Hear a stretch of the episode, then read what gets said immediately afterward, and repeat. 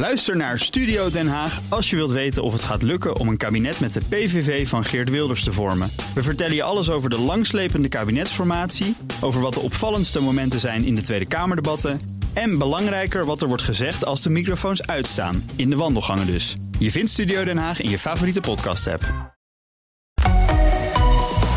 BNR Nieuwsradio. BNR breekt. Ivan Verrips. Goedemorgen en welkom weer bij BNR Breekt. Vanaf half twaalf praat ik over het nieuws van de dag. Over een oproep aan het kabinet. Namelijk dat uh, ja, zo gemeenten veel meer speelruimte moeten geven... om te zorgen dat Nederlanders goed uit de coronacrisis komen. Over China. Um, dat land is boos vanwege VN-overleg over de situatie van de Oeigoeren. En het Songfestival in Rotterdam volgende week. Um, zij zitten niet te wachten op 70-plussers. Die moeten gewoon lekker thuis blijven. En daar is ophef over. Dat allemaal zometeen. Vandaag in mijn panel Laal Muns, voorzitter van de Landelijke Studentenvakbond. Goedemorgen. Goedemorgen. En Hidde Bruinsma van uitgeverij Scriptamanum en de podcast Juridisch Geneuzel. Goedemorgen. Goedemorgen. En we vangen deze uitzending aan met... BNR breekt. Breekijzer. Ons breekijzer, dat is eigenlijk deel 2 van een soort tweeluik. Gisteren blikten we vooruit. Vandaag blikken we terug op Mark Rutte's bijzondere optreden in Nieuwsuur. Ik ben hier niet gaan zitten om krampachtig mensen te overtuigen. Ik ben hier niet gaan zitten om excuses ergens voor te maken of boete te doen. Ik ben trots op heel veel de afgelopen tien jaar. Ik ben lijsttrekker van de VVD. We zijn veruit de grootste partij uh, geworden... met tien zetels afstand op nummer twee. Ik had 2 miljoen voorkeurstemmen. Het zou raar zijn als ik nu zou zeggen, ik stap op. Ja, dat zou raar zijn. Um, hij uh, zou met radicale ideeën komen. Had ook wel ja, verwachtingen daarvoor geschept. Die waren misschien wel hoog gespannen.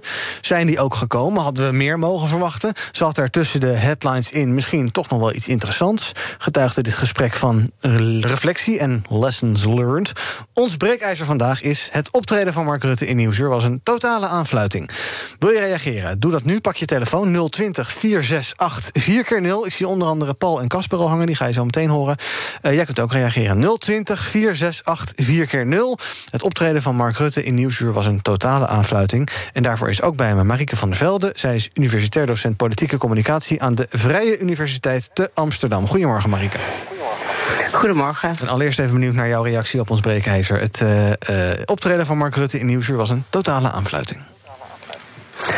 Um, nou, ik had even gekeken. Hij heeft drie nieuwe plannen eigenlijk. Uh, Enerzijds dat de menselijke maat terugkomt. Ik heb even opgezocht. Sinds 1994 is het al 52 keer genoemd in de partijprogramma's van ongeveer alle partijen, maar nooit de VVD. Rutte zegt zelf dat hij al sinds oktober, september nadenkt over deze radicale ideeën. Dan had het toch op zijn minst dit jaar misschien in het verkiezingsprogramma kunnen staan. Mm-hmm.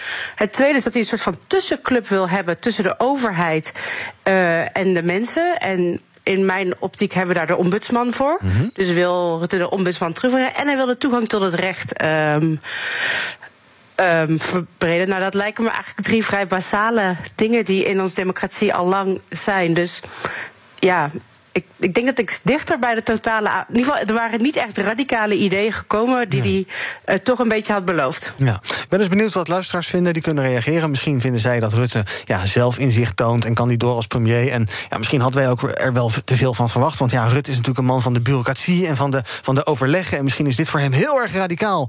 En denken wij heel erg, ja, uh, lekker abstract allemaal. Of uh, wat ik zei, vind je misschien dat Rutte een bord voor zijn kop heeft. En is dit het einde van zijn premierschap? bel 020 468 4 keer 0. Voordat ik luisteraars aan het woord laat, doe ik even een rondje in de studio. Te beginnen met Hidde. Het optreden van Mark Rutte in Nieuwsuur was een totale aanfluiting. Nou, ik vind totale aanfluiting wel een beetje overdreven. Maar sterk optreden vond ik het niet. En hij had uh, hooggespannen verwachtingen van tevoren. Hij kwam met baanbrekende dingen, zei hij. Nou, ik heb niks baanbrekends gehoord. Mm-hmm. Ik heb er, wat is het, dat interview was 30 minuten... maar het had ook in één minuut gekund. Mm-hmm. Want ik heb eigenlijk niks nieuws gehoord. Nee. En uh, probeer je eens even te verplaatsen in Mark Rutte. Is het dan nog steeds een nikszeggend interview? Of is, zou er voor hem misschien wel... zou dit allemaal hele spannende stappen zijn? Nou ja, wat jij net zegt. Ik denk dat het voor hem wel spannende stappen zijn. Dus dat hij het wel als baanbrekend ziet. Uh, ik vond het eigenlijk allemaal hele basale dingen. Dus ik had zoiets van, ja, ik hoor niks nieuws. Maar blijkbaar voor hem is dat wel allemaal nieuw. Ja, uh, ja ik was er niet van onder de indruk.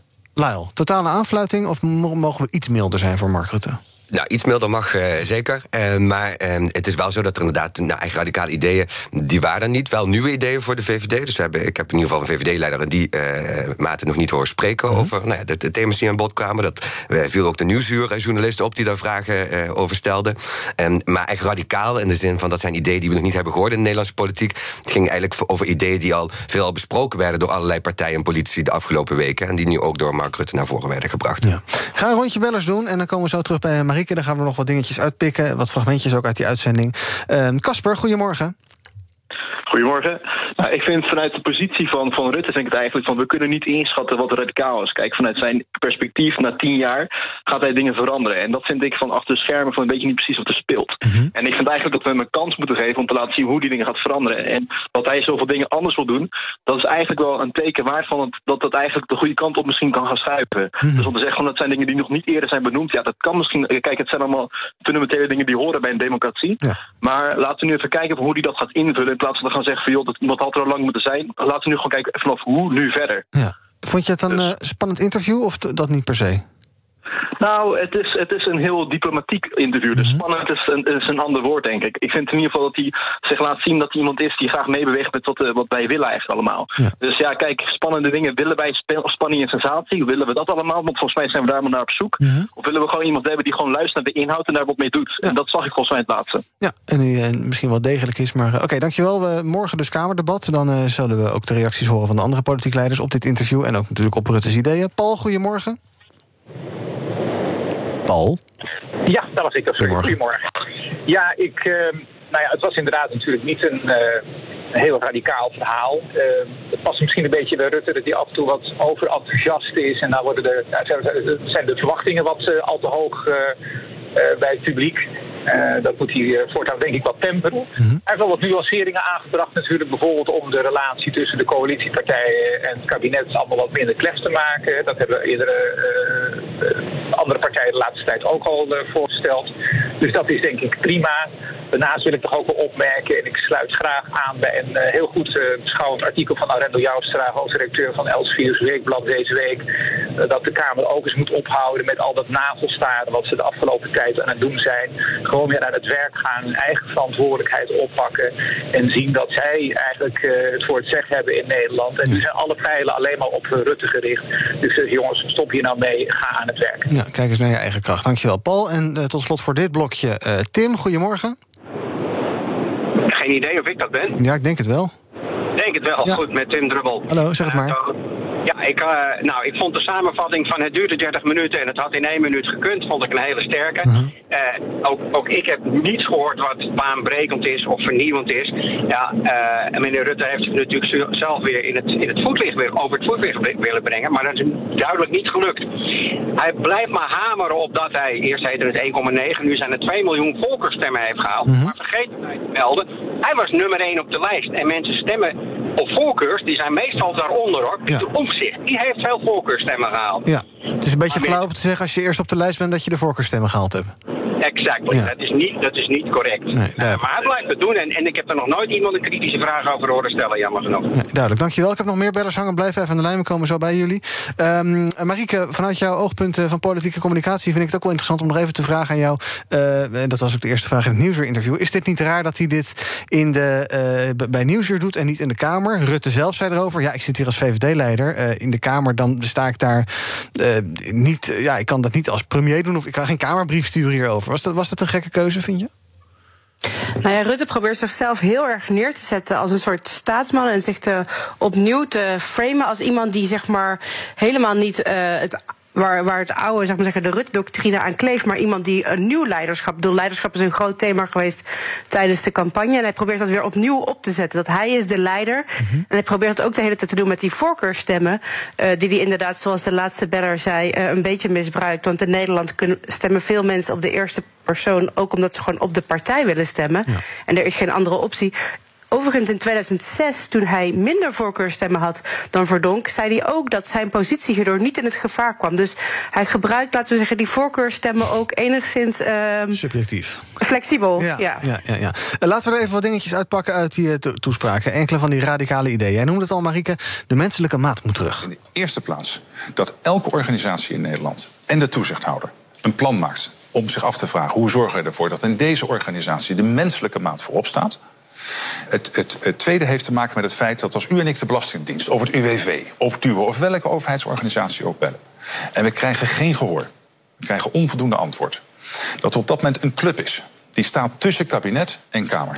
Die bellen u of ik op die gaat het voor, jou of mij, voor u of mij uitzoeken. Ja, je zei al, Marieke, dat uh, klinkt als uh, de ombudsman. Die hebben we vanochtend ook even gebeld. En die zeiden van ja, uh, wij vonden het ook wel opvallend. Maar ze wilden vooralsnog niet bij ons in de uitzending reageren. Wilden eerst het Kamerdebat afwachten. Ehm, ja, Laal, hier kan je natuurlijk niet tegen zijn. dat, dat, dat, dat alle clubs eventjes wat beter naar zichzelf kijken. En hoe gaan we met mensen om? Nee, daar, daar nee, kun je ook... oh, even een Laal vraag. Ja, oh, sorry. dat is geen probleem. Daar kun je ook niet op tegen zijn. Wat ik wel benieuwd naar ben, is natuurlijk ook dat die uitvoeringsclubs te maken hebben met allerlei wetgevingen. En ook al aangeven dat er soms bijzonder veel op ze afkomt, dat ze uitvoering aan moeten geven. Dus ik ben ook benieuwd of dan, als er zo'n brief geschreven moet worden, of zo'n evaluatie gedaan moet worden, of de bal nu ook weer niet weer teruggekaatst wordt naar de politiek. En zeggen van goh, we kunnen ook niet uit de voeten met een aantal regels die het ingewikkeld maken. Dus dat is iets waar ik benieuwd naar zou zijn. Ja. Heer, heb jij het idee dat als je contact hebt met de Belastingdienst, dat jij ja, de klant bent en dat jij daar als een, als een, als een klant wordt behandeld, of met UWV of met ik weet ik veel welke club? Als, als ik bel naar de Belastingdienst, dan het wordt binnen, wordt binnen twee seconden opgenomen. Het is een gespreid bedje. Het is niet normaal. Ik nee. heb een soort sneltoets en dan ben ik meteen doorheen. Ja. Je bent private banker bij de Belastingdienst. Precies, precies. maar uh, nee, meestal uh, sta ik 60 minuten in de wacht... en krijg je iemand aan de lijn die er minder van weet dan ik. En ja, ik, ik zou, wel, zou het wel fijn vinden als daar wat meer aandacht aan wordt uh, besteed. Ja. Marieke, is dat iets wat in de praktijk denk je gaat lukken? Of is dit een beetje ja, een soort papieren tijger wordt dit? Ik heb meer het gevoel dat dit een, een voorselectering is op eventueel een kabinet dat ook de linkerkant omarmt. He, dit soort, deze twee dingen zijn duidelijk dingen die eigenlijk voornamelijk uit de linkse politiek komen. Uh, en dat Rutte hiermee de deur al openzet naar een coalitie met hun, waardoor het minder moeilijk voor hem wordt. Mm -hmm. Uh, om dat straks uit te leggen. Ja. Um, ik ga even een paar bellers aan het woord laten nog. Dan halen we er zo meteen nog wat dingetjes bij. Bijvoorbeeld over de vergeetachtigheid van Mark Rutte. Fred van der Laar, goedemorgen. Goedemorgen met Fred van der Laar. Zeg het maar. Ik vond het interview een monoloog. Hmm. De journalist, de interviewer, die kwam er maar moeilijk tussen. Want als hij een vraag stelt, dan, dan, dan gaat hij er gewoon doorheen. Ja, maar dat doet hij uh, altijd, hè? Dan zegt hij, ik maak hem even af. En dan maakt hij ja, zijn punt af. Uh, nou, binnenkort maakt de Tweede Kamer hem af. Ja, nou wellicht. Maar hij zou, hij zou wat beter moeten luisteren, vindt u? Ja, zeker weten. Want hij gaf die uh, journalisten haast niet de kans. Hoor. Die, die, en toen begon ze maar te luisteren. Ja. En het hele punt van het wetgevingsproces kwam niet aan de orde. Mm -hmm. Hoe komen de wetten hier tot stand? Ja.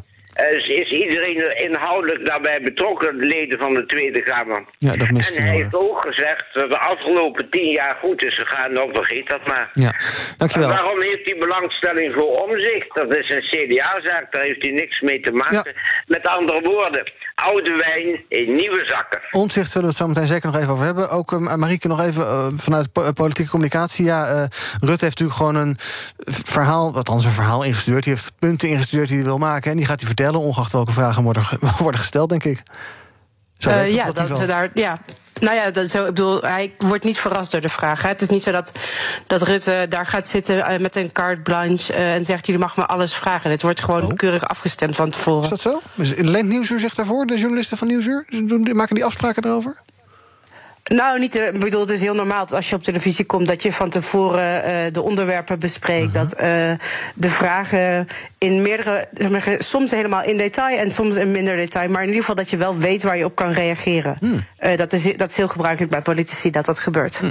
Radio is fel, hè, wat dat betreft. maar goed. John, goedemorgen. John of John? Hallo? Hallo? Ja, ja John. Ja, goedemorgen. Sorry, zeg het maar. Uh, ja, dit is weer de zoveelste afleidingensmanoeuvre van Rutte. En dat trapt iedereen weer in. Want daar is hij zo goed en zo listig in. En ik snap ook niet dat de mensen er toch in trappen. Ik sprak gisteren nog iemand die zo spijt had dat hij VVD heeft gestemd en een onderneming heeft. En, uh, en nu pas van nu pas merkt dat, dat hij daar uh, last van heeft. Ja. Maar ja, goed, uh, de mensen willen graag belasterd worden, dus moet je Rutte stemmen. Ja. Dus jij denkt dat, hij er dat, dat de Kamer het hem ook niet moeilijk gaat maken, zijn collega's in de Kamer? Nou, ze maken het gewoon moeilijk, maar je ziet uh, uh, leugentjes, die, die, daar komt hij steeds mee weg. Ja. Dus komt hij er nu ook mee weg. Ja. Zo simpel is het. Dankjewel, uh, John. En dan uh, nog even naar meneer Zandhagen. Goedemorgen. Goedemorgen. Zeg het maar. Het interview slaat helemaal nergens op, meneer. Waarom niet? Omdat hij geen één idee naar voren heeft gebracht zoals die door Pieter Omtzigt zijn beschreven. Hij is gewoon om alle problemen heen gelopen. Hè, Hij rolt de functie van de ombudsman uit door weer met nieuwe pakken ambtenaren te komen. Ja. Maar het Die was, man heeft het zelf al jaren overleefd. Ja, het was- Net- het was natuurlijk niet zo spannend geweest als hij het boek van Pieter Omzicht ging voorlezen. Hij moest wel met eigen punten komen. Maar dat, die heeft u ook gemist. helemaal gemist. Ja, nou, daarvoor heeft het weinig toegevoegd. Ehm, nou, laten we dan maar gelijk eventjes hebben over die eh, Pieter Omzicht. Ik wil weten waar zit precies jouw boosheid. Ik heb daar natuurlijk het een en ander over gelezen, maar ik wil het van hem horen. Ik wil ook de kans hebben om uit te leggen hoe ik er tegenaan kijk.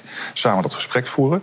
Ik weet dat in het CDA Wopke Hoekstra eh, en anderen enthousiast zijn over zijn tienpuntenplan. Ik zie daar ook aanknopingspunten in, dus ik wil het ook over de inhoud hebben. Ehm, dus op die manier gaan we kijken of zo'n gesprek eh, kan werken. Ja, hij wil graag praten met Omzicht. Omzicht heeft ook bevestigd dat hij een uitnodiging heeft ontvangen van Rutte. Maar dat hij daar nog niet klaar voor is. Je weet, hij zit, zit, zit ziek thuis en het gaat nog niet goed genoeg om eh, dit gesprek aan te gaan. Ik geloof dat Rutte daar eind deze week al over wilde praten. Uh, Lyle, eh, Omzicht is een eh, machtig man aan het worden. Ja, best wel. Die kan de hele formatie ophouden als het eh, een beetje tegen zit.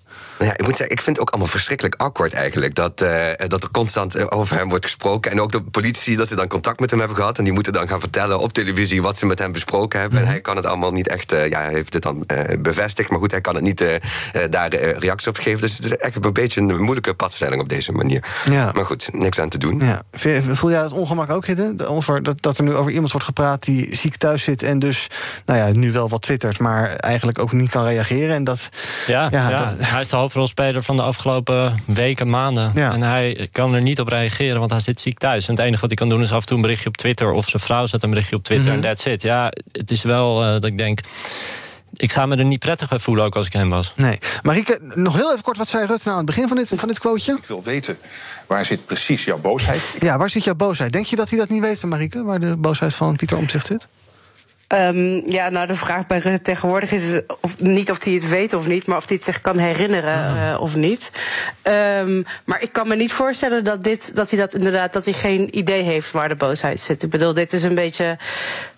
Ja, ik kan dit niet zo goed zeggen. Dit, is een, dit voelt een beetje alsof hij eh, probeert een soort van eh, de aardige persoon uit te hangen. Van ik wil het echt van hem horen alsof er een soort van ruzie is Ja. tussen, tussen twee mensen. Terwijl dit natuurlijk gewoon gaat over eh, de, de invulling van hoe de politiek eruit zou moeten zien. En, en Omtzigt heeft daar gewoon andere ideeën over. Ja, ja. Is, het, is het terecht dat hij dat Omtzigt zo, ja, ik zal maar even zeggen, onbe- onbedoeld en ook ongewenst machtig is geworden? De, de formatie wordt wel een beetje gekaapt door hem onbewust, zonder dat hij dat wil waarschijnlijk.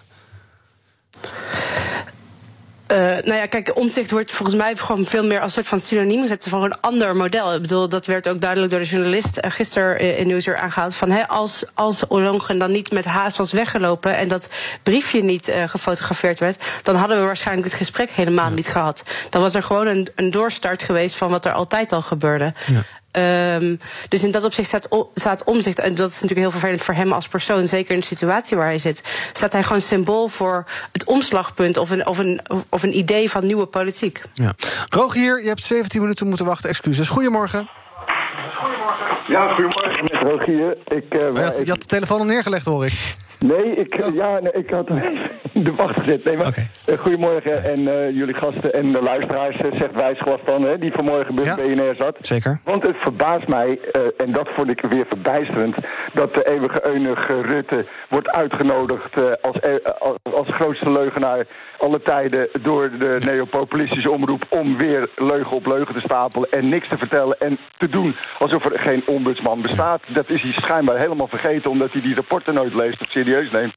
Maar dat, uh, uh, dat, dat was dus weer het sensibiliseren van de bevolking. Ja. Uh, met dank aan een, een totaal onslagvaardige journalist, mevrouw Tweebeke, die viel zwaar tegen. En wat ik het ergste vind, dat uh, hij heeft het dan over uh, hoeveel stemmen die heeft. En nou noemt hij dat dan voorkeurstemmen. Maar mensen hadden nooit meer op hem gestemd als ze geweten hadden wat ze nu weten. Nee, dus waar, waar, praat hij over? Ja, nee, dat is natuurlijk altijd uh, met de kennis van nu zou je misschien iets anders doen, misschien ook niet. tot slot van het half uurtje, dan wil ik het nog even hebben over de naam die Rogier al net al noemde, Frans Wijsglas. Pieter, goedemorgen. Ja, hallo. Hallo, zeg het maar. Ja, met Pieter. Ja, hallo. Ja, ik wil even uh, op de uitzending. De stelling was. Uh, Totale aanfluiting. Of Ja, nou, dat, onderschrij- dat onderschrijf ik volkomen. Mark Ja. Rutte is eh, totale aanfluiting geworden. Kijk, hij zegt dat hij het niet meer weet. Nou ja, als jij niet meer weet wat je gezegd hebt, dan ben je niet eh, eh, geschikt om minister-president te zijn. Ja. Dat betekent gewoon dat die man het waarschijnlijk te druk heeft. Want als jij het erg druk hebt, dan weet je niet meer wat je precies gezegd hebt. Maar dat kan je niet hebben in deze baan. Nee, of dan moet je misschien je werk beter verdelen. Maar zoals het nu gaat, gaat dat niet. Dankjewel, Pieter. Ehm, eh, daar, daar even op aansluitend. Rutte zei ook dat hij heeft nagedacht over de manier waarop hij wil, voor, waarop hij wil gaan voorkomen dat hij bewust dan wel onbewust liegt. Zei hij dit? Mijn taak om, en dat ga ik dus ook anders doen, bij dit soort onderwerpen. Ik kan het niet bij elk onderwerp doen en dat zal niet altijd foutloos gaan. Maar mij veel fundamenteler af te vragen: weet ik hier alle details van? Heb ik hierop doorgevraagd? Zijn er dingen die ik nog niet weet die ik moet weten? Dat is ook van belang. Hè? Dus dat is een paar keer niet goed gegaan, en dat herken ik. Ja, hij gaat meer vragen stellen aan, mensen om hem heen, aan zichzelf waarschijnlijk. En heeft hij alle informatie, is alles duidelijk. Heb je vertrouwen dat eh, dit het geheugen van Mark Rutte ten goede komt? Nee, ik denk dat er niks mis is met zijn geheugen. Oh. Ik denk dat dit, eh, dit is gewoon een spelletje. Nou. Ja, ik denk dat zijn geheugen ook niet, niet altijd het probleem kan zijn. Het is ook een buitengewoon intelligente man. Dat hebben we eigenlijk altijd al kunnen zien. Mag ik trouwens nog iets anders zeggen? Want ik hoor heel veel klachten over Nieuwsuur. Maar ik vind het eigenlijk een heel goed journalistiek programma. Ik Zeker. vind ook dat eh, eh, de presentatrice eigenlijk eh, vaak de politicus onderbrak. En Mark Rutte is, ja, natuurlijk, ik bedoel, de beste politici in het land. Die kunnen hem niet de baas. En ze, ze winnen al daar tien jaar verkiezingen van hem.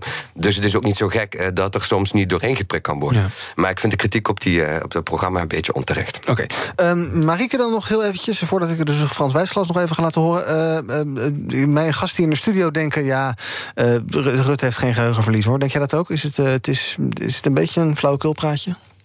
Nee, zeker geen geheugenverlies. Ehm bedoel, hij kan niet zijn taak doen die hij doet op de manier waarop hij dat doet, eh, als hij echt geheugenverlies zou hebben. Dus dit is duidelijk iets eh, wat hij stra- strategisch inzet. Ja. Oké, Wijsglas dan. Die vond het allemaal niet zo spannend voor de buis. Zo radicaal was het allemaal niet. Dus wat dat betreft viel het ook mij een beetje tegen, eerlijk gezegd. Hij heeft zelf wel een radicaal idee en hij denkt dat. Mevrouw Kaag, meneer Hoekstra, eh, mevrouw Ploemen en meneer Rutte...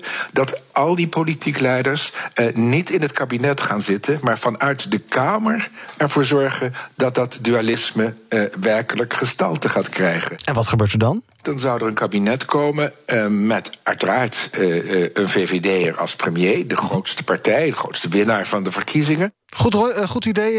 ga gewoon een rondje langs alle drie. Hidde, goed idee. De politiek leiders lekker in de Kamer. En dan eh, zoek je maar andere mensen voor het kabinet. Het lijkt me een beetje onrealistisch. Ik vind het niet echt een heel goed idee. Nou?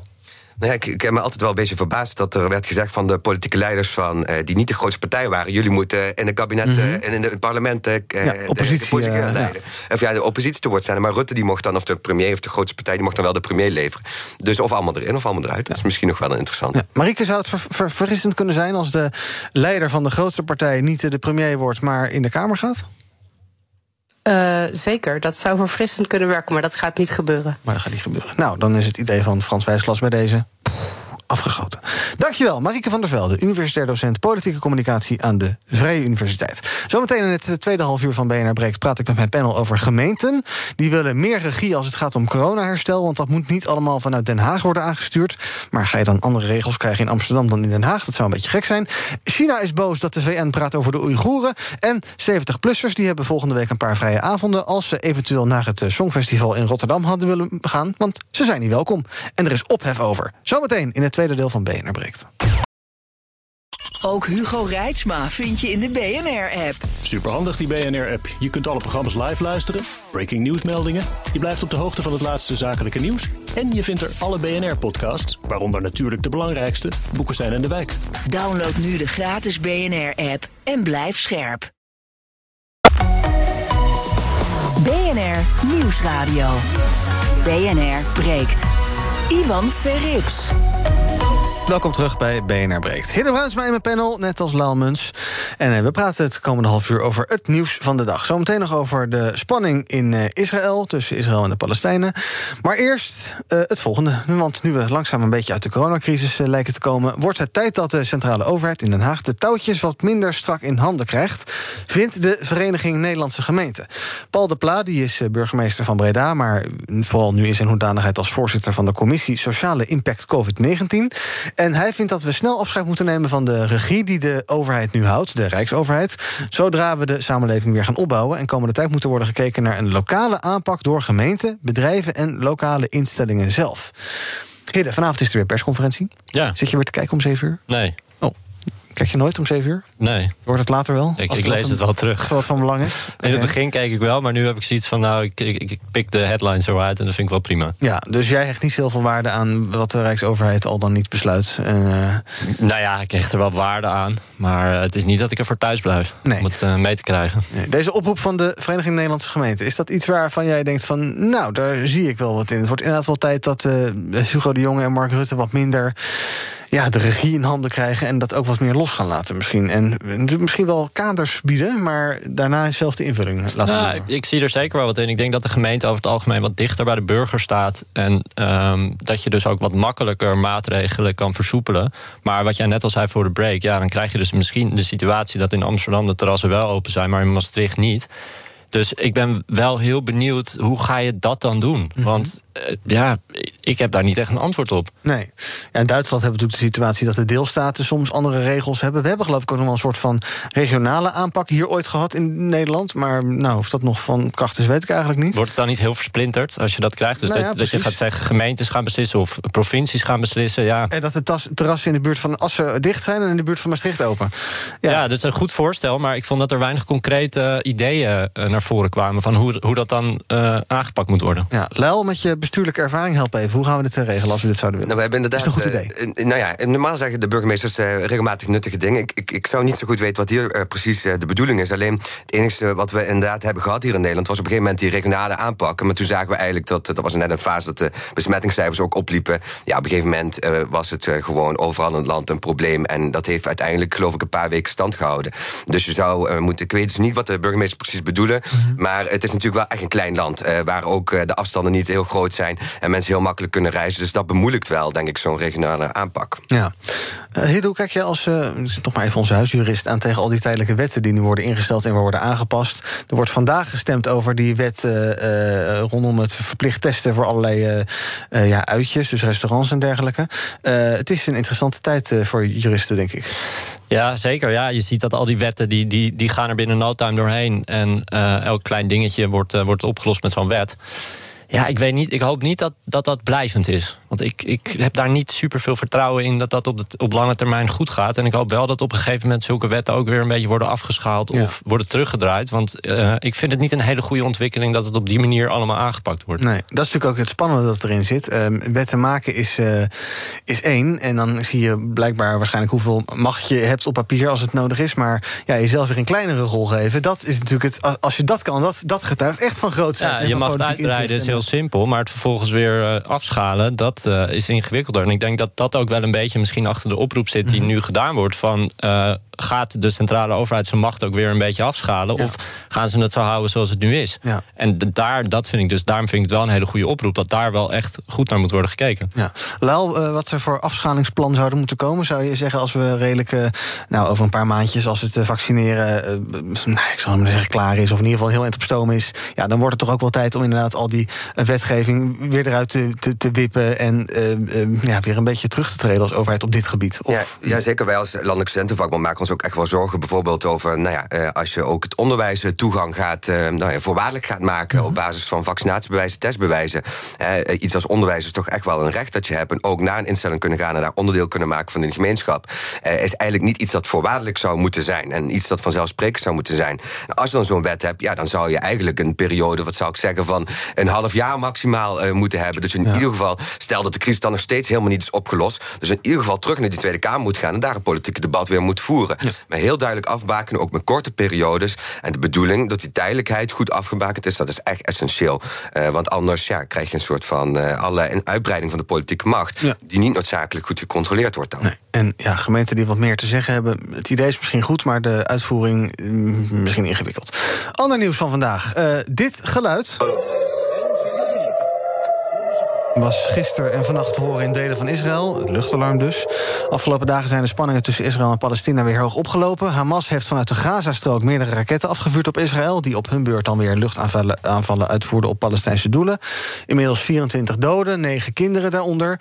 Aanleiding voor die escalatie is uh, de uitzetting van Palestijnse gezinnen uit hun huizen... die in een wijk in Oost-Jeruzalem staat. Die plek zou ingenomen worden door Joodse kolonisten. Um, uh, Sander van der Kraan vroeg trouwens eerder al aandacht voor. Die was er vroeg bij wat dit nieuws betreft. Die zag ook wel aankomen dat dit uh, zou gaan ontsporen. Uh, ja, dit is natuurlijk een heel ingewikkeld conflict, uh, Laal. Um, um, dit, dit is natuurlijk een hele, hele enge situatie. Want ja, ook hiervoor geldt bijna weer... het, het conflict opschalen is makkelijker dan het conflict afschalen. Ja, zeker. Nou, dat hebben we ook al verschillende keren in de geschiedenis ja. gezien. En nu zitten we weer in een fase dat de wapens opgenomen moeten worden.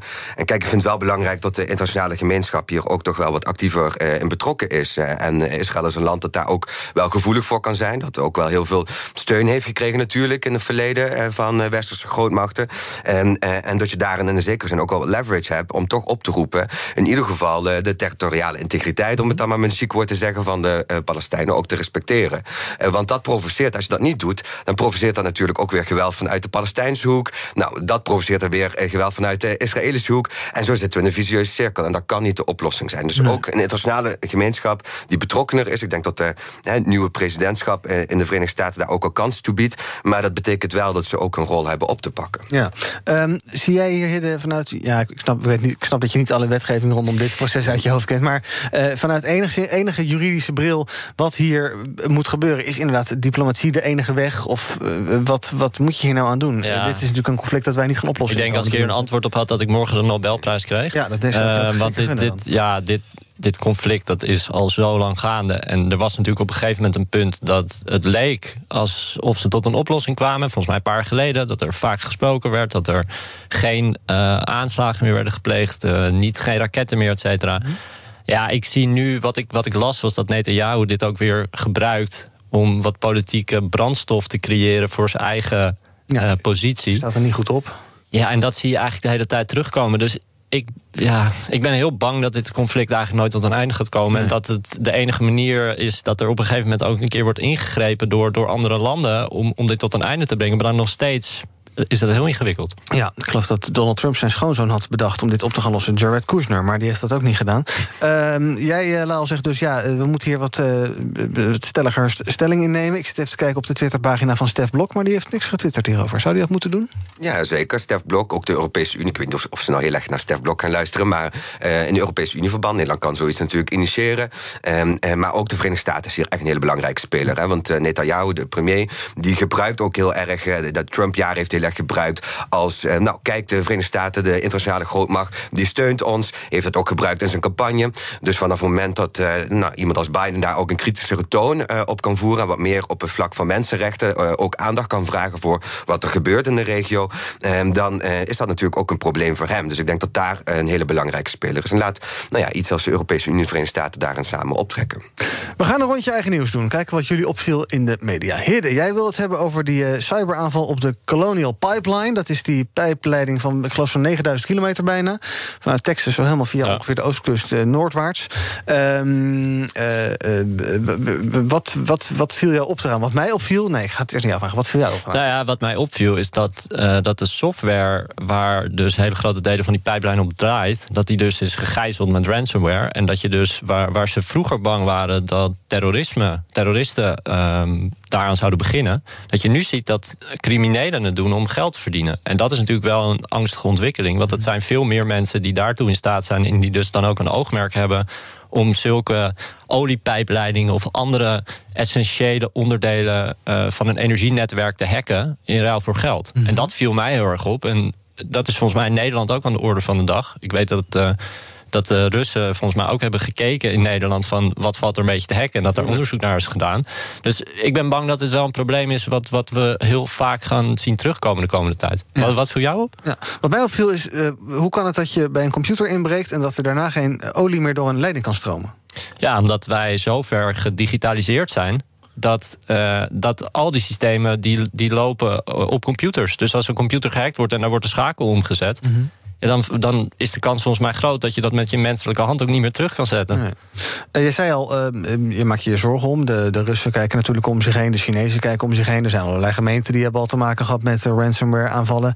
Ehm, dit is natuurlijk aan de orde van de dag, maar het wordt heel zichtbaar doordat zo'n groot instituut nu wordt gehackt. Ja, eigenlijk is de derde wereldoorlog op de achtergrond al aan de gang. En ja. dat is de digitale derde wereldoorlog. Alleen daar is weinig aandacht voor. Ja. En wat je nu ziet, is dat het af en toe met zulke grote incidenten komt dan naar boven. Maar dit is aan de orde van de dag. Ja. En dit kan echt hele grote uh, problemen veroorzaken. Ja. En jij zegt, uh, dit is uh, misschien eigenlijk wel een beetje het nieuwe terrorisme. Hè? Terrorisme heeft als doel angst zaaien. Dit heeft misschien als doel ja, geld, bedrijven geld aftroggelen. Zou je dit als het soort nieuwe terrorisme kunnen zien? Als het om jou gaat? Ja, nou, ik weet zeer niet of onregelig mee zijn. Ja, nee, zeker. Dus maar ik weet niet of dat het doel of dat het oogmerk is van de mensen die hierachter zitten. En dat vind ik wel een verschil. volgens mij is het oogmerk hier puur geld verdienen. En nu zag ik dat het die, bij hier ging om een Oh. Die vervolgens het geld weer aan uh, andere organisaties geeft. Oh. Dus die dat wil stelen van, van grote bedrijven. Mhm. Nou ja, dat is natuurlijk niet de manier. Maar om het nou terrorisme te noemen, vind ik ver gaan. Maar het komt zeker in de buurt. Ja. Ja. Misschien een hacker die uh, op vergroening van de economie in wil zetten. Die ja, misschien ja. Die, die, Alright, ik, ga, ik ga je zo vragen wat je opviel. Maar eerst eventjes naar Thomas. BNR breekt. Want Thomas is onze eenzame strijder die beneden op onze vloer... waar heftig verbouwd wordt, uh, zit. En dan mij elke dag op de hoogte houdt van ja, hoe het nou staat met die verbouwing. We zitten nog zo'n 3,5 week hierboven als het goed is. Ja. Uh, wat is er vandaag gebeurd, Thomas? Nou, eigenlijk, eigenlijk moet jij er met BNR Breek natuurlijk bovenop zitten. Want als ja. er iets gebeurt, dan wordt er een hoop gebroken. hier. En ook vandaag weer. Ik, ik heb dagelijks contact met de mensen die dat doen. En oh. die zeggen uh, vrijdag, maandag, dinsdag al... nee, het is voorbij met het echte zagen, met mm -hmm. het echte boren. Nou ja, de, de opdrachtgever, ik denk dat wij dat dan zijn... heeft telkens nieuwe eisen, waardoor er toch ook weer telkens andere verbouwingen en heftige geluiden bij komen kijken. Maar ja, het meest opvallende is natuurlijk wel dat het tapijt inmiddels ja. van de vloer is. En je kunt er nog met een paar kleine nou ja, voetstappen tapijt uh, op bepaalde plekken bereiken. Dus ik heb deze bezemkast toch ook weer uh, ja. nou, met goed geluk uh, kunnen bereiken. Tegen elk aannemelijk bot op te halen, oude tapijttegels. Uh, Thomas, zometeen om 12 uur presenteer je gewoon zaken doen... in een studio waar gewoon tapijt ligt. Wie heb je te gast en waar ga je over praten? Lex Hoefsloot, hij is een van de oprichters van Lightyear... bekende auto met een zonnedak. Hè. Rijdt voor een deel op zonne-energie. En ze hebben geld opgehaald, ze hebben plannen verkennen of ze naar de beurs gaan. Er moet ook nog duidelijk worden wie die auto daadwerkelijk gaat produceren. Maar er is een groot deel van de weg al afgelegd. Het is onder andere ook de auto waar uh, koningin Maxima in reed op Koningsdag jongstleden. Dus die auto staat behoorlijk in de spotlight. Geldt zometeen ook voor de oprichter van Lightyear, Lex Hoefsloot. Uh, we praten ook met de topman van Albert, uh, industrieel toeleverancier. en met de vraag wat zij merken van de oplopende tekorten. Want ze hebben resultaten gepresenteerd en die zijn nog hartstikke goed. Dus waar blijft dan dat schaarste moment ook voor Albert? Dat is de vraag. Het beleggerspanel is er, Kees Tekort is er. Het is een ramvolle show. Tot Twee uur zaken doen met Thomas. En dat begint over uh, nou, een minuutje of twaalf. Hier op BNR. BNR breekt. In mijn pedal Hidde Bruisma en Laal Muns. En Laal, wat viel op in het nieuws? Ja, gisteren voor de nieuwsuuruitzending met Mark Rutte... was er een uh, documentaire reeks van start gegaan. Je hebt een lange dag NPO 2 achter de rug. Ik heb de hele dag NPO 2 zitten te kijken naar, naar mijn werk. En uh, dat was de, de documentaire reeks heet De Roze Revolutie. En ik vond het wel erg uh, mooi. Wat ze eigenlijk laten zien is de strijd van de LHBTI-beweging... hoe die ontstaan is. En een van de protestmarsen die ze laten zien... echt een historisch moment, was een pastoor in Limburg... volgens mij in de jaren tachtig... die allerlei controversiële uitspraken deed over LHBT'ers. Toen de tijd nog de normaalste zaak van de wereld. Alleen LHBT'ers die normaal een beetje, een beetje stilhielden en schaamden uh, voor hun homoseksualiteit, die dachten nu is het genoeg. Wij gaan met duizenden naar dat Limburgse dorp. En plotseling werd ja, het katholieke Limburg overspoeld door uh, LHBTI'ers. Mhm. Het was een, een, moment van macht en dat vond ik gewoon heel erg mooi. En de documentaire die gaat ook over hoe is de strijd eigenlijk niet afgelopen. Dus hoe kan het dat er nog altijd elk jaar marsen georganiseerd moeten worden, mensen te maken hebben met geweld. En, en ja, die, dat gesprek eigenlijk tussen de oude en de nieuwe generatie LHBTI'ers, die verschillende contexten, Mhm. is echt heel mooi. En ook een kijktip, kijktip eigenlijk die ik luisteraars wil meegeven. Is er een specifieke aanleiding dat het nu is? Het is van Michiel van Erpen, die Ja. eh, kennen we. Ehm, eh, eh, het, is een, het is een reeks, geloof ik, van een paar afleveringen. Ja, van vier afleveringen. Wat is de aanleiding dat dit nu is? Ja, dat durf ik niet goed te zeggen. Ik heb wel het gevoel dat er ehm, wat meer discussie is de laatste tijd over. Kijk, we hebben natuurlijk lang in de veronderstelling gelezen, geleefd als land van. Oh, we hebben het homohuwelijk gelegaliseerd. eh LHBT'ers mogen eh adopteren. best goed hier. Het is hartstikke goed, Ja. we zijn er klaar mee. Mhm. En, eh, de- en daarna is er toch een fase gekomen dat mensen zich wat kritisch zijn afvragen van... We zien toch ook wel dat er nog steeds heel veel eh, achterstand is op het vlak van welzijn... dat er zelfmoordpogingen onder jongeren kunnen zijn... dat nog steeds veel sprake is van geweld... dat mensen worstelen met eh, depressie, met uitsluiting... en dat de zaken misschien niet zo goed op orde zijn. En als je dan gaat kijken naar die internationale indexen... met hoe staat het er nu eigenlijk voor met LHBTI-rechten... dan zie je dat Nederland eigenlijk niet meer dat avant-garde land is... dat het nou ja, misschien 20, 15 jaar geleden was. En, en, en dat is denk ik iets dat die documentaire reeks ook aan de kaart wil stellen. En ook zegt, er zijn nieuwe strijden... die gaan dan misschien ook over wat andere thema's... Ehm, maar die wel eh, samenhangen met deze gemeenschap... die nog steeds gestreden moeten worden. En dat vind ik eh, heel erg mooi te gaan. Gisteren is de eerste aflevering, hè? Ja. Nou, neem aan Dus, eh, elke week nog elke waarschijnlijk. week kijken. Michiel van Erp op NPO 2, elke maandagavond. Dus eh, Roze Revolutie heet het. Kan je zien als je dat eh, leuk vindt. Ehm, we praten verder over... eh, eh, nou, na Israël hebben we nog meer eh, buitenland nieuws. Eh, China is namelijk eh, des duivels. Want de VN houdt morgen een digitale bijeenkomst... om te praten over de Oeigoeren. Dan zou je denken, ja, dat is onomstreden. Want iedereen weet toch dat er iets gruwelijk fout gaat... in, eh, in die regio Xinjiang. Eh, maar China is boos en eist dat de bijeenkomst wordt geannuleerd. Want volgens China klopt er helemaal niets van de verhalen... over de slechte situatie waarin de Oeigoeren zouden zitten. En eh, het is er allemaal pijs en vree. Ehm, het is wel een beetje doorzichtig, dit soort reacties van China Lau. Hoe, hoe kunnen ze... Zegt dan niks, zou ik bijna zeggen. Wat- dit is, ja, wat is dit voor rare... Ja, nee, zij gaan dat natuurlijk niet publiekelijk erkennen. En ze hebben hier gewoon een hele harde lijn in. En iedereen die daar aan de kaak stelt, die wordt ook geproblematiseerd. En die, daar wordt heel fel op Gesensibiliseerd. gereageerd. Eh, gesensibiliseerd op eh, Chinese manier. Eh, Als het landen zijn, eh, kunnen er ook, eh, ja, die misschien niet zoveel macht hebben... kunnen er ook sancties gezet worden... om maar ervoor te zorgen dat het geen internationale discussie wordt. Maar goed, er is natuurlijk ook een gemeenschap die van zich laat horen. En eh, nou ja, de verhalen zijn overduidelijk. Dus er valt eigenlijk niet zo heel veel te ontkennen. Nee. Ehm Hidde, ehm, zolang zij ontkennen, is er denk ik wel iets aan de hand. Ja, Ja. maar dat, bedoel, dat zien we met Rusland, dat zie je met China. Ze ontkennen alles, maar ze, ze hebben- doen ook geen enkele moeite om het verder te verbergen. En eh, ja, ook met China, ik, ik vind dat land veel te machtig worden. En ik denk dat het heel goed zou zijn als er wat meer opgetreden zou worden. Alleen het wordt steeds ingewikkelder, want ze worden steeds groter. Ze krijgen economisch steeds meer macht. Ja. Australië deed volgens mij een jaar geleden. Of in eh, nieuwe zijderoute, ze zitten overal met ze zitten belangen. overal, ze investeren in Afrika, ze kopen daar hele landen op, hele havens. Ik las dat, eh dat eh, die hebben een heel klein mini-staatje ergens in Europa. En die hebben, wat is het, 100 miljard schuld bij China. Dat is 100% van hun bruto nationaal product of 50%. Ja, ga daar maar eens kritisch zijn op de hand Ja, ga daar maar eens kritisch zijn. Succes. Dus ze hebben veel te lang toegekeken en China ook veel te veel ruimte gegeven om zo machtig te worden. En ja, ze doen nu gewoon lekker wat ze willen in eigen land. En niemand die gaat er iets aan veranderen. Dat is een beetje de boodschap die ze geven. Ja, maar het is ook gewoon een desinteresse geweest van het Westen en de rest van de wereld, denk ik, die zich toch eh, op economisch vlak hè, redelijk heeft teruggetrokken. Dus er zijn geen grote infrastructuurprojecten waar vanuit het Westen fors in geïnvesteerd wordt. En je, je ziet natuurlijk dat hele grote delen van de wereld trekken naar China en dat die invloedssfeer van China een stuk groter wordt. Eh, daar waar de Verenigde Staten ooit een Marshallplan had om Europa te weer opbouwen, daar eigenlijk de basis heeft gelegd voor decennia lange samenwerking.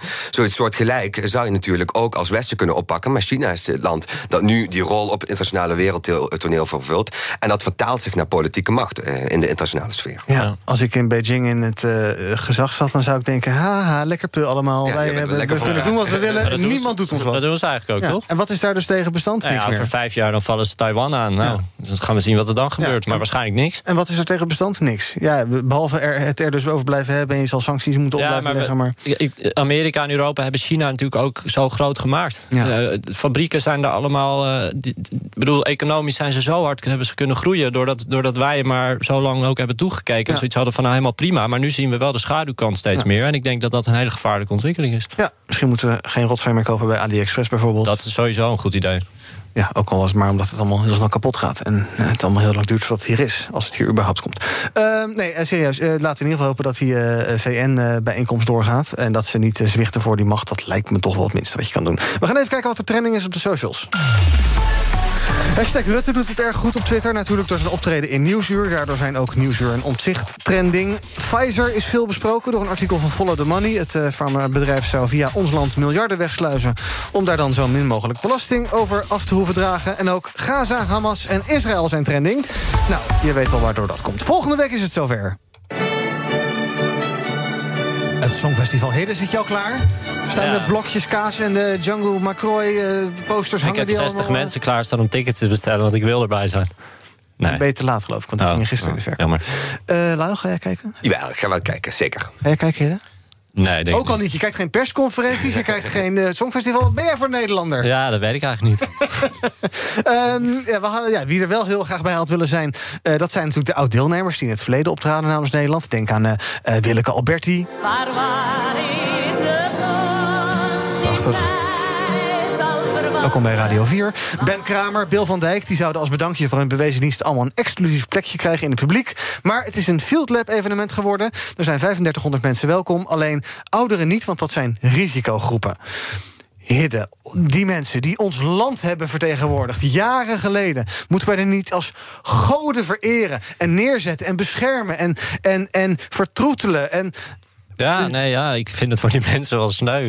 Ik zou zoiets hebben van waar maak je druk om? Maar uh, ik, ik denk dat zij uh, dat het voor hun uh, echt een big deal is. Ja, maar even. Nee, dit zouden ze toch gewoon kunnen regelen. Ik bedoel, ja. die mensen die krijgen een plekje, die komen verder niet met andere mensen in aanraking of alleen maar met elkaar. Je kan toch gewoon een 70-jarige bubbel creëren binnen binnen die organisatie en binnen in die zaal. En volgens mij is er dan niks aan de hand. Dus het is wel een beetje overdreven gedoe dit hoor. Lyle, is dit het nieuwe normaal? Ik hoop het niet toch? Dat we allerlei groepen gaan krijgen die niet welkom zijn bij evenementen. En, uh... Nou, dat, uh, dat kan niet de bedoeling zijn. Ik denk ook, je kunt mensen natuurlijk ook gewoon een eigen keuze geven. Ik bedoel, oudere mensen die weten ook zelf wat de risico's zijn, ja. et cetera. Zijn gevaccineerd zijn waarschijnlijk. Ja. Dus uh, geef mensen ook een beetje een eigen keuze. Toch hoeven mensen niet op te sluiten. Oproep, oproep van die mensen toch toe te laten? Ja, bij deze. Ja, maar als we ons land zo vertegenwoordigd hebben als toen.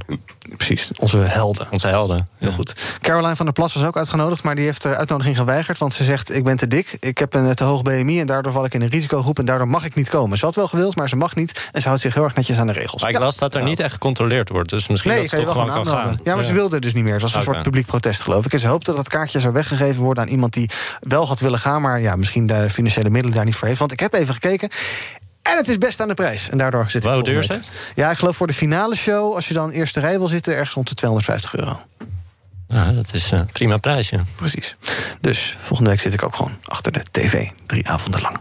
Dank, heren, voor jullie aanwezigheid bij het panel. Laal voorzitter van de LSVB... en Hidde Bruinsma van de podcast Juridisch Geneuzel. Morgen is BNR Breekt er weer. Dat is eigenlijk de dag voor een soort extra weekend. Lekker, een soort weekend, extra weekenddagje, helemaal vaartsdag. Heerlijk. En tot die tijd volg je ons op de socials. Op Twitter, Instagram, YouTube en natuurlijk onze website bnr.nl. Als u nog langer doorpraat, dan begint Thomas nooit. En daarom stop ik nu met praten. Zometeen kan je luisteren naar Zaken doen. Tot morgen. Bij BNR ben je altijd als eerste op de hoogte van het laatste nieuws. Luister dagelijks live via internet. Bas van Werven. En heel langzaam komt de zon op rond dit tijdstip. Je krijgt inzicht in de dag die komt op BNR, het Binnenhof in Nederland en de rest van de wereld. De Ochtendspits. Voor de beste start van je werkdag. Blijf scherp en mis niets.